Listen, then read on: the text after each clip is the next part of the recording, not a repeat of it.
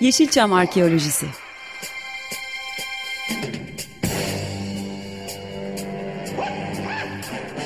Türk sineması ve Yeşilçam'ın besin kaynakları, emekçileri ve kıyıda köşede kalmış hikayeleri.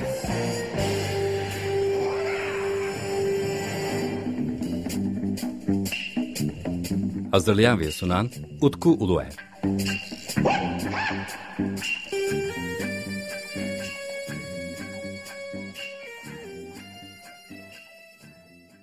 Merhaba değerli Açık Radyo dinleyicileri. Ben Deniz Utku Değer ve yepyeni bir Yeşilçam Arkeolojisi programında da sizlerle birlikteyiz. Evet değerli e, dinleyicilerimiz 15 günde bir e, burada e, sizlerle birlikte oluyoruz ve 15 günde bir de sinemamızda yer almış değerli isimlerle söyleşileri ben sizlere aktarmaya çalışıyorum. Bu geçtiğimiz pandemi döneminde aslında geçtiğimiz diyorum hala pandemi süreci bence devam ediyor. Fakat e, bu çok kapandığımız dönemlerde ben pek çok e, değerli isimli bir söyleşiler bulma imkanını bulmuştum. Ve şimdi onları de, derleyerek peyderpey yayınlamaya çalışıyorum. E, bugün de çok lafı uzatmayacağım. Çok değerli bir isim var. Eriş Akman. Aslında Eriş Akman ismini söylediğimiz zaman hemen herkesin hemen hatırladığı bir isim olmuyor aslında. Fakat şöyle dersem işte Aile Şerefi filmi vardır. Orada bir e, zengin bir genç vardır. Babası onu devamlı kollar ve gider e, arabayla e, bir kaza yapar, çarpar. Aile Şerefi filminde de babası tarafından korunan genç Oktay. Onu oynayan oyuncumuz Eriş Akman. Fakat Eriş Akman sadece bir oyuncu değil. Hem kamera önünde hem kamera arkasında yer almış. Fakat biz kendisiyle uzun uzun konuştuk. E, çünkü dediğim gibi İngiltere'de eğitim alıyor, tiyatro eğitimi alıyor, Türkiye'ye geliyor Yılmaz Güney ile bir şekilde sinemaya başlıyor ve daha sonra Arzu filmde yer alıyor ki biz hani Oktay rolüyle belki biliyoruz Aile Şeref filminde ama Arzu filmin içerisinde de yer almış, içinde de çalışmış ve o döneme tanıklık etmiş ki en e, aslında şaşalı dönemleri de Arzu filmin. Ve daha sonra da İngiltere'de e, yine e, filmleri de e, satmaya başlamış. Hem Gülgen filmde de çalışmış. Bu arada e, bu görüşmenin olmasına katkıda bulunan ve hatta olmasının sebeplerinden bir tanesi olan Burak Gülgen'e de çok teşekkür ederim ben. Yani Eriş Akman gerçekten sinemamızın çok farklı yönlerinde bulunmuş, içinde ve dışında. Hala oyunculara devam etmiş. Mesela e, son dönemde yer aldığı çok önemli filmlerden bir tanesi yani e, pek çok insan tarafından bilinen filmlerden bir tanesi. Mesela Colpacino filmi. E, böyle kült olmuş bir yapımda da yer almış Eriş Akman. Kendisiyle konuşurken benim için çok öğretici bir sohbet olduğunu gördüm ve bu görüşmeyi, bu arada biz hala kendisiyle görüşmeye devam ediyoruz. Kayıtlarımızı almaya devam ediyoruz. Kendisiyle yaptığımız böyle bir üç buçuk saatlik bir görüşme vardı. Oradan derlemeye başladım ben bu kayıtları.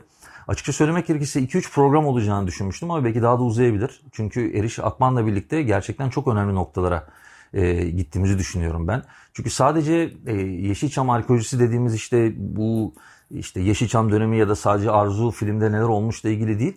Eriş Akman'ın perspektifinden e, sinema, sinema sektörü, e, günümüzdeki dizi ve filmlerin ne durumda olduğu, nereye gidebileceğimiz üzerine çok değerli bilgiler, onun çok değerli düşünceleriyle e, yorulmuş.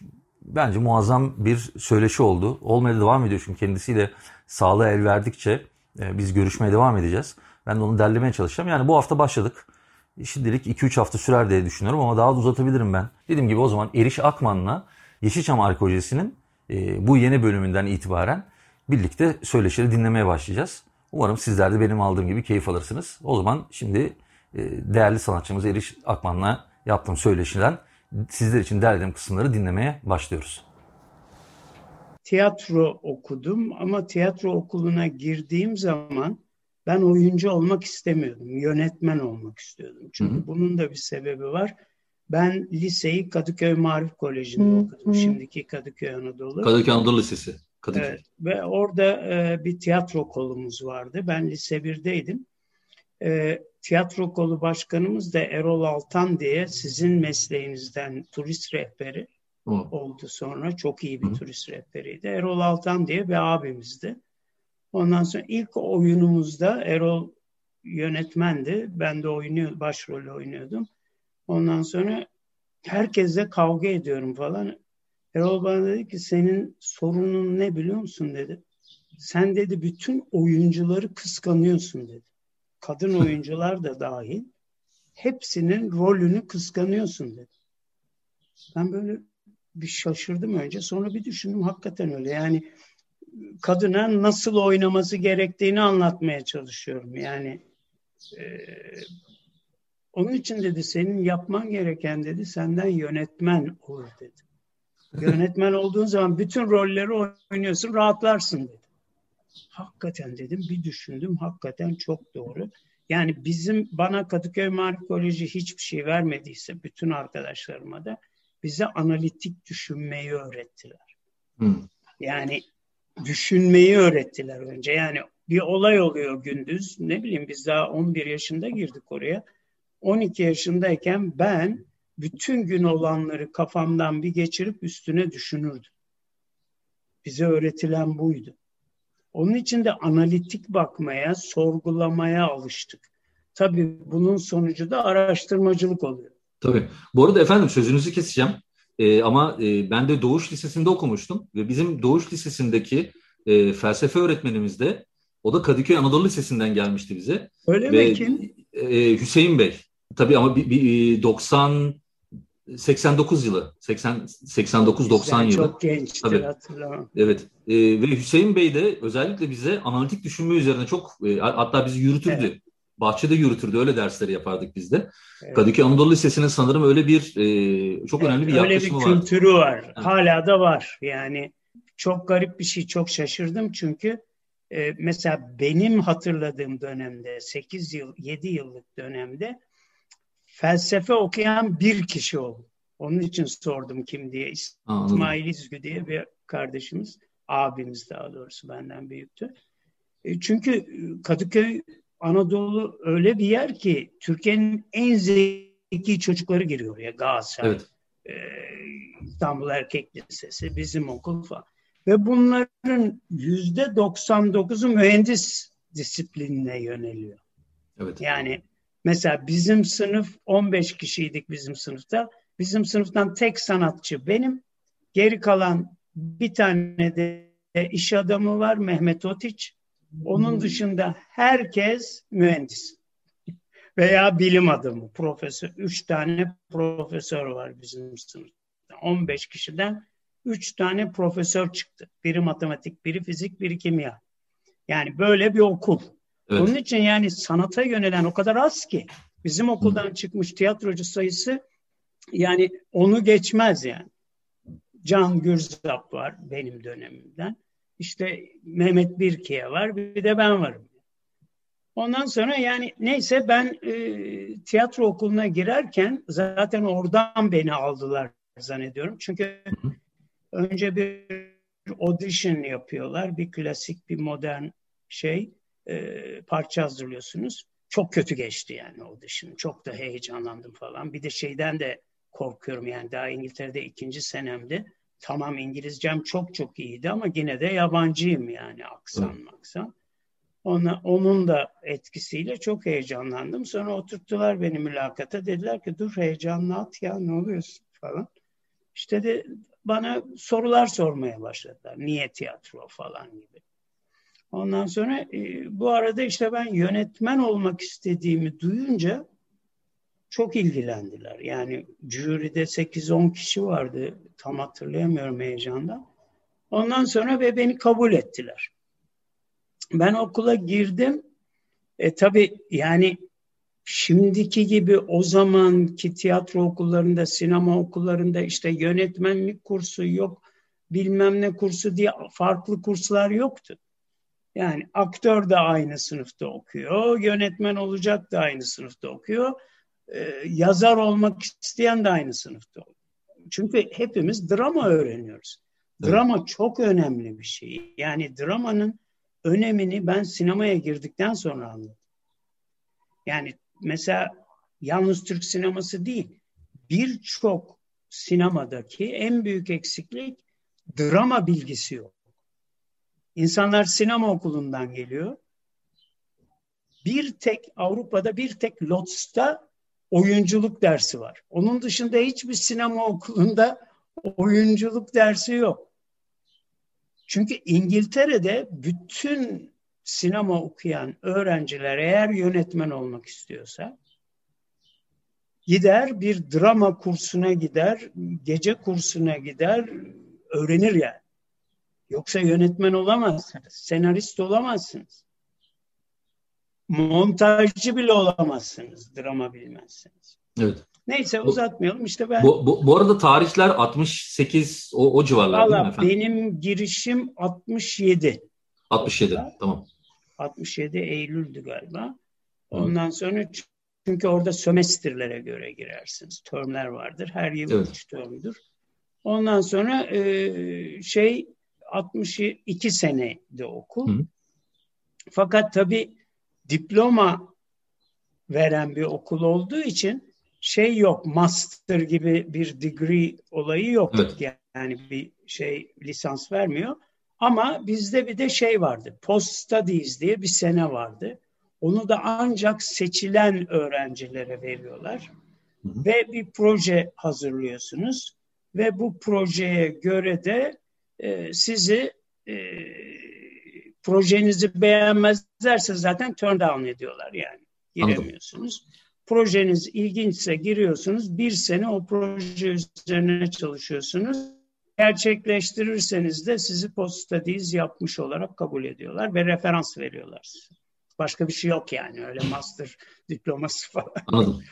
Mesela ben bilim kurgudan nefret ederim. Sevmem bilim kurguyu. Yani çünkü benim mantığım bilim kurguyu kabul etmiyor. Star Wars en sevmediğim filmdir ya. Yani. Ama Star Wars'ı da bilim kurgu fakat, olarak kabul etmiyorlar artık. Fantezi olarak kabul ediyorlar. yani çünkü içinde işte din olduğu için. Ya, din, fante, din, Hı. Fantazinin de bir olasılığı olması lazım. Yani o mantığı kurmanız lazım. Mesela çok güzel fantazi filmleri var. Yani Hı. o fantazi filmlerinde bir mantık var, sebep var, şey var. Şimdi dramanın önemi şurada. Drama mühendislikle çok yakın. Çünkü Stanislavski ekolünden bahsediyorum. Hı. Eğer Stanislavski ekolü yani metot oyuncusuysanız iki şey çok önemli. Stanislavski'nin söylediği iki şey çok önemli.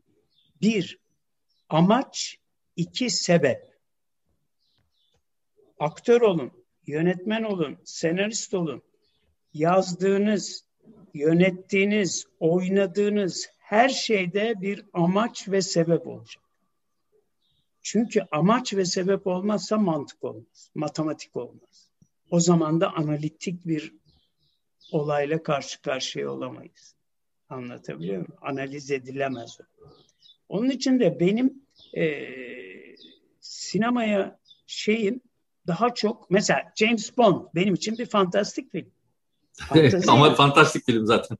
fantazi ama o kadar güzel kurgulamış ve mantığını kurmuş ki adam inandırıcılığı var. Yani ben James Bond mesela şey en sevdiğim filmler ben çok sinirlenmiştim İngiltere'ye ilk gittiğim seneydi. Ee, bu e, Sergio Leone'nin e, Clint Eastwood'un oynadığı The Good, The Bad and The Ugly. Hı hı. 64, 64, 65. Evet, 65. Ondan sonra filmine gittim. Aa insanlar gülüyor. Çok sinirlendim. Yani çünkü biz o kadar ciddiye almışız ki o absürt, fantastik şeyli 15 kişiyi vuruyor adam bilmem ne. Halbuki öyle bir şey yok filmin ya. şeyinde. Yani evet, evet. Neyse sonra benim kız arkadaşım vardı yanımda İngiliz. O bana dedi ki niye sinirleniyorsun dedi ya. Bu adam bunu komik olsun diye yapmış dedi. Aa, birden yeni bir şey açıldı bana, perspektif açıldı. Ve bir daha seyretme olanağı o zaman pahalı yani şimdiki gibi değil öyle video yok bilmem ne yok. Ondan sonra bir daha gittim sinemaya kıyıp beş şiline. Ondan sonra baktım hakikaten komik yani olacak iş değil yani bütün karakterler karikatür şey falan filan. Neyse yani uzun lafın kısası benim sinemaya şeyim sadece zevkim içindi. Benim zevk aldığım filmler aksiyon filmleri, mantıklı olmak kaydıyla. Çok mantıksız aksiyon filmlerinden nefret ederim yani hiç. Yani hikaye kurgusunda, dramatik yapıda bir hata varsa hemen bırakırım filmi yani. Koparım filmden. Neyse bu şekilde ben Türkiye'ye geldim. Yani sinema yapmak aklımın ucundan geçmiyor. Yani ben devlet tiyatrosuna girmek üzere geldim Türkiye'ye. Aslında İngiltere'den ve Amerika'dan da iki tane teklif vardı bana. E, askerliğimi bir an önce devlet tiyatrosu da şuradan çıktı. Çünkü devlet tiyatrosu genel müdür yardımcısı İngiltere'ye gelmişti repertuar tiyatrolarını incelemek için. O arada e, tek e, tiyatro öğrencisi o sırada Ahmet Leventoğlu ile bendim. Hı. Ahmet Türkiye'ye tatile gitmiş. Bir tek ben oradaydım. Çünkü benim finallerim vardı işte. Provalarım vardı final oyunu için. E, dediler ki ya üç günlüğüne Devlet Tiyatrosu Genel Müdürü işte bir araştırma yapıyor repertuar tiyatrolarında. E, iyi de bir para veriyoruz. Tercümanlık yapar mısın? Ben atladım tabii yani şeyden değil, parasından değil. Çünkü Royal Shakespeare Company'ye gireceğim, National Theatre'a gireceğim. Yani kulisini bile göremeyeceğim tiyatrolar bunlar. Atladım hemen. Neyse Sabri Bey diye bir beyefendiydi. Çok e, hoş bir adamdı. İşte biz gittik falan işte araştırmalar soru soruyor adam falan filan. Sonra en son günü muz çok seviyordu. En son o yemeklerimi de o ısmarlıyor. Dedik en son günü ya dedi hava çok güzeldi. Parkta oturup dedi bir kilo muz alalım yiyelim beraber dedi. Öğlen yemeği yerine dedi. Tamam dedim ben. Çünkü randevularımız var yani öyle evet. her şeyimiz programlı. Ondan sonra işte biz muz yiyoruz maymun gibi parkın ortasında. Ondan sonra dedi ki ya ben senin İngilizcene bayıldım dedi. Ben dedim ki evet İngilizcem iyidir dedim. Ben işte Kadıköy Marif Koleji'nde okudum falan filan. Ama dedi tiyatro terimlerini nasıl biliyorsun sen dedi ya. E dedim hocam ben tiyatro okuyorum. Söylememişler adama tiyatro oh. öğrencisi olduğumu. Evet. Öyle mi falan dedi. O akşam da benim oyunum vardı. Dedim ki ya buyurun oyunumu seyredin falan. Adam şeyle buluşacakmış. Ee, Noyan Yiğit Hürriyet'in Londra muhabiri. Dedi ki ben Noyan Bey'e de sorayım eğer gelmek isterse sen dedi ki şeye bırak davetiyeleri. Bıraktım ama ben unuttum. Neyse oyun bitti. Senin misafirlerin var dediler. Bir baktım böyle hüngür hüngür ağlayan iki tip çok gurur duymuşlar falan filan. Ve e, bana dedi ki oğlum askerlik yapmak için gel dedi devlet tiyatrosunda. Üç ay dedi şey yapacaksın yedek subay okuluna gideceksin altı ay üç ay neyse. Hmm. Ondan sonra geleceksin tiyatroda bitireceksin askerliği. O benim hoşuma gitti. Onun için devlet tiyatrosuna girmeye çalışıyorum. Biz geldik Türkiye'ye işte bir türlü ben şey audition'a giremedim. Hı-hı. Fakat şey beni çok seviyor e, Cüneyt Gökçer. O zaman o da İngiliz tiyatrosu hayranıdır. Ondan sonra işte bir süre onunla takıldım. Yani asistanlığını falan yaptım. Ondan sonra İstanbul kadrosu açıldı. Dedik ben de Ankara'da çok mutsuzdum. Dedi ki İstanbul kadrosu açılıyor. Gel seni İstanbul'dan İstanbul'da sınav alalım. İstanbul'un ilk oyuncuları. Tamam dedim. Ramazan'dı galiba. İşte bayramdan sonra Saffet Bey vardı idare müdürü AKM'nin. O dedi ki Eriş, o da tanıyor beni. Eriş bayramdan sonra gel dedi ya başım kalabalık şimdi dedi. Tamam hocam dedim. Abi bir açtım gazeteyi Kültür Sarayı yanmış. Cüneyt Bey'i tutuklamışlar, Saffet Bey'i tutuklamışlar, bilmem, iğrençlik falan. Ve ortada kaldım ben yani. Dimyata pirince giderken evdeki bulgurdan olduk. Bu arada da tiyatrolar korkunç bir krize girdi. Yani Dormen'e, Haldun Dormen'e gittim falan.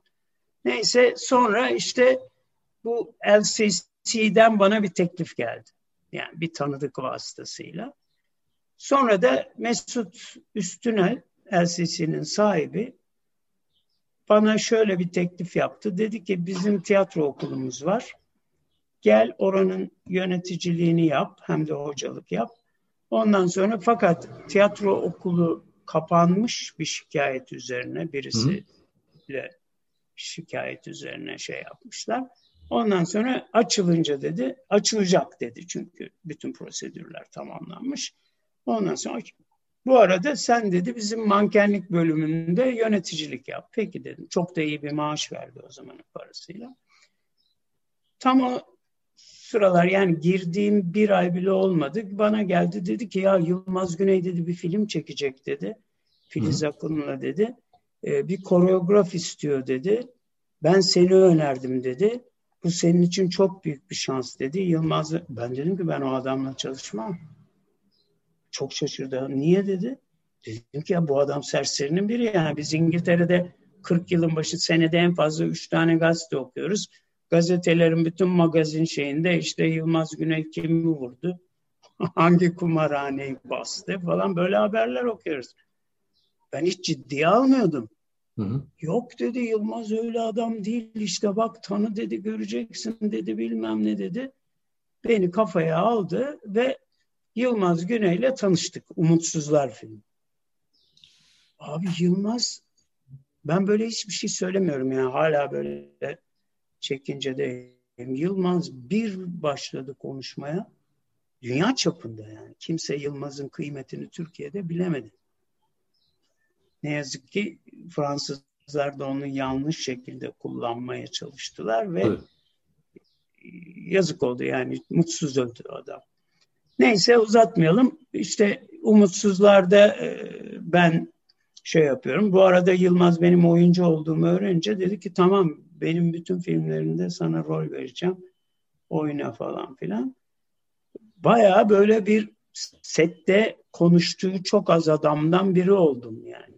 Bu arada da şey bulamadık. Ballet bulamadık oynayacak o rolü. Onu Hı. da ben oynamak zorunda kaldım. Çünkü çekim beklemiyor çekilmesi lazım falan. Ondan sonra e, Yılmaz bana şeyi hediye etti. Boynu bükük öldüler yeni çıkmış imzaladı ve kitabı hediye etti. Ben de hemen o akşam okudum kitabı çok beğendim. Dedim ki abi ya ben bunu çok beğendim ama sinemaya da o arada ısınmaya başladım.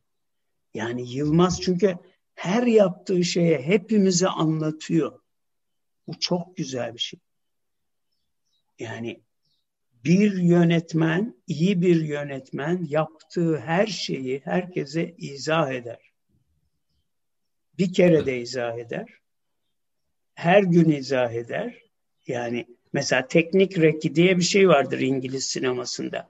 Yani yönetmen dekupajını yapar, e, çekim senaryosunu hazırlar. Ondan sonra bütün ekip başlarını alıp mekan mekan gezer ve bütün sahneleri detayıyla çekim planlarını anlatır. Birinci plan şu, ikinci plan bu, üçüncü plan bu.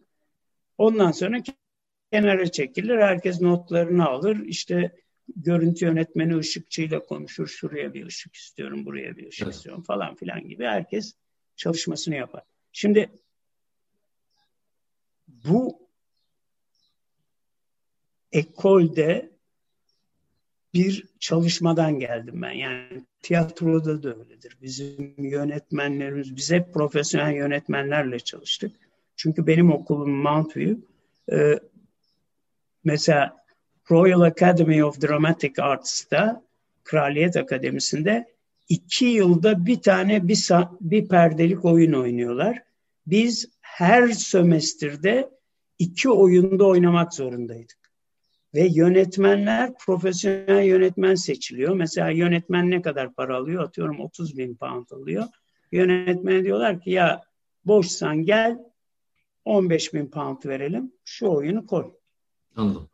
Ve geliyordu yönetmenler de. Yani çünkü işte Türkiye'de olmayan bir şey de bu. İngiliz ekolünde şöyle bir şey vardır. Abi sen eğer Tanrı'ya şükretmek istiyorsan öğreteceksin bildiğin. Onun için öğrencilere öğretmenliğe karşı müthiş bir şey vardır. Ben o sayede çok şey öğrendim. Bir şey merak ediyorum peki e, mesela bu usta çırak ilişkisi günümüzde özellikle çok yok, yok olan artık bir nokta. İngiltere'de evet. belki başka bir formattadır ama yine bir usta çırak ilişkisi gibi ya da değişik bir formatta belki yer alıyordur. Tabii tabii yani usta çırak ilişkisiyle sinema sinema haline gelir. Sinema okulu değildir yani. Hitchcock hangi sinema okuluna gitmiş? yani, Kubrick hangi sinema okuluna gitmiş? Yani sinema sette öğrenilir. Ben hep bunu söylerim. Ama mutlaka bir süpervizörünüz olacak. Şimdi mesela bizim çocuklara bakın alıyor kamerayı çıkıyor çekiyor. Çektiğinde çok beğeniyor. Bir sürü yanlış şey öğreniyor. Evet. Yani denegörle öğrenilecek bir şey değilsin ama affedersiniz yani. Tiyatro da öyle. Evet. Onun için yani e, bizim okulda bizim hocalarımız birer süpervizördü. Yani bir yabancı yönetmen gelir, profesyonel bir yönetmen. Bizim hocalarımız, oyun tekniği hocalarımız provalara girer. Ondan sonra oyun tekniği dersinde bize provalarda ne hata yaptığımızı, niye, ne yapmamız gerektiğini, niye ama sebebiyle anlatırlar. Anlatabiliyor muyum? Böyle öğrenilir. Başka türlü ben öğrenme metodu bilmiyorum yani. Yeşilçam Arkeolojisi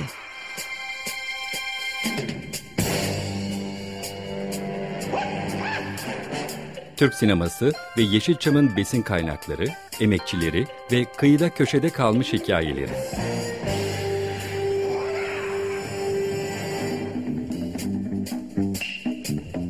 Hazırlayan ve sunan Utku Uluer.